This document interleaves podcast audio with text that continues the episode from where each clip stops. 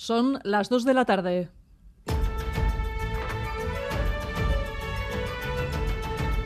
Crónica de Euskadi con Irache Ruiz. Ba, momentos egutegi bat eta e, feminismo liburu bat erosi dut eta segurazki e, talderen bateko diskoak edo lan erosiko ditugu. Batez ere komikiak, aurten komiki polita daude, Maus, Euskaraz, e, niz naiz Mikel Aboa, Mikel Aboarena.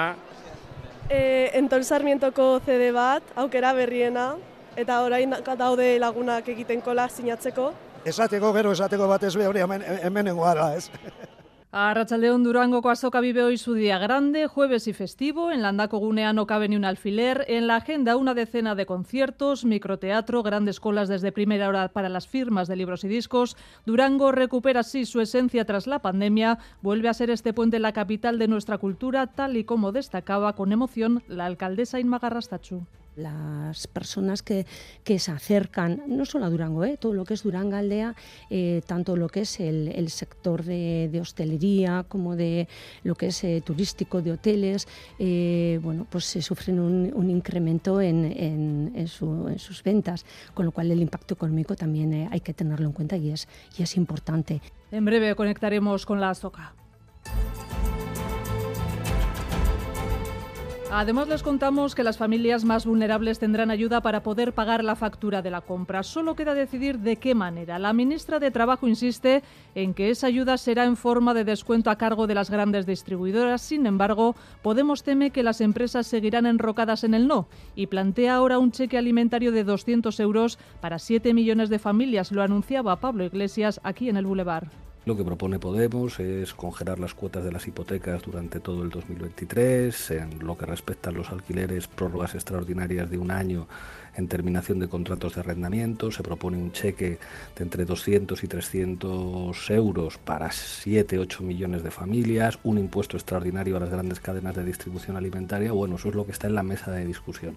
Descuentos en la cesta o cheque supermercado, el Consejo de Ministros debe concretar la fórmula de esta nueva ayuda a las familias. Es jueves, día de la Inmaculada, festividad que 70 militares de Barcelona querían celebrar, atención, con el sorteo de una prostituta. La rifa la han movido en un chat del cuartel del Brook, pero ha llegado a oídos de los superiores y el ejército ya anuncia que trasladará el asunto a la Fiscalía. Grande Marlasca es el ministro del Interior.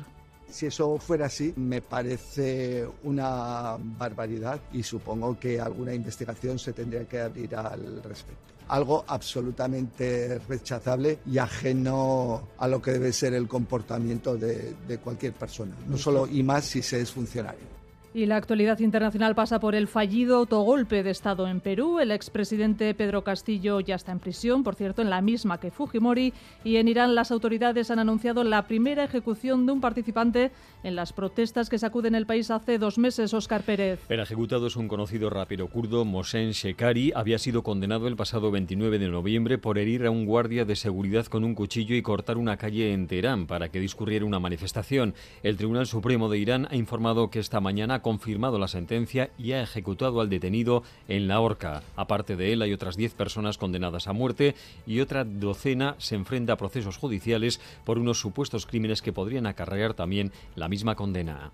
Primer ejecutado pues en Irán, luego ampliaremos la actualidad internacional. Y a partir de las dos y media, Quirol al día en esta sintonía, pero el partido de Leibar arranca ya. Diego Arambalza, Arrachaldeón. Arrachaldeón, decimonovena jornada de Liga en segunda división. El partido acaba de comenzar, juega Leibar en Burgos. Gorka Saavedra, cuéntanos. Caiso Arrachaldeón, sí, ya primeros compases de partido en el plantío, donde Leibar intentará sumar tres puntos para ponerse a solo uno de los puestos de ascenso directo. Para ello, de inicio Lucacian en portería, en defensa de derecha e izquierda Tejero, Berrocal, Arbilla y Antonio José Antonio Ríos Reina. En el centro del campo Javi Muñoz junto a Pedro Nolascoain, banda derecha para José Corpas, banda izquierda para Vadillo. Arao y hace ya de media punta Stoichkov y arriba John Bautista. De momento 3 de juego en el plantillo sin goles. Burgos 0, Eibar 0. Es que recasco Gorka. Ayer el Deportivo Alavés cayó 2-1 en Tenerife y ya es oficial. Luis de la Fuente es el nuevo seleccionador de España tras la salida de Luis Enrique. Gracias, Diego. Como decimos, toda la actualidad deportiva a partir de las dos y media. Y en cuanto a la previsión del tiempo, paraguas y chubasquero desde hoy y durante todo el fin de semana, Euskalmet, Jonander Arrillaga. Caixo a León, durante las próximas horas vamos a seguir con un tiempo gris y con lluvia. El cielo se va a mantener nublado y va a llover de forma ocasional. Por otro lado, el viento del sureste va a soplar por momentos con cierta fuerza y nos va a dejar un ambiente bastante fresco. Los termómetros no van a ir más allá de los 12-13 grados en la vertiente cantábrica y de 8 o 10 grados en el centro y sur de Álava y Navarra.